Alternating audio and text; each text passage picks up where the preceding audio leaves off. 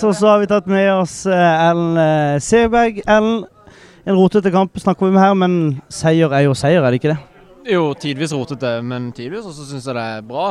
Uh, I perioder i første omgang og i perioder i andre omgang. Men litt sånn som har vært typisk de siste, de siste kampene, at vi har, vi har, noen gode perioder der vi har kontroll og der vi får til det vi ønsker å få til. Og så, og så detter, vi, detter, vi, ned på disse nivå litt for ofte. Men vi tar med oss tre poeng, det er det viktigste da.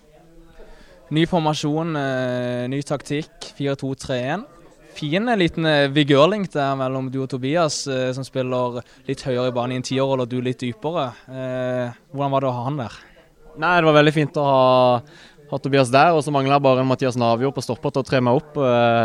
Så hadde det vært helt komplett.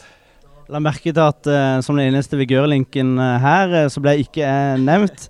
Det er greit. eller det blir noen det blir noen eh, dager fri kanskje nå i påska. Hva blir viktig inn mot uh, Sandnes Ulf-kampen neste mandag? Uh, nei, si det. For å være helt ærlig så har jeg ikke så god kontroll på, på Sandnes Ulf. Så hva som blir viktig inn mot, den kampen, det har jeg ikke tenkt på ennå. Men vi skal, vi skal, trene nå fram til onsdag, så får vi en dag eller to fri. Og så, og så skal vi se fram mot uh, Sandnes Ulf andre påske, da.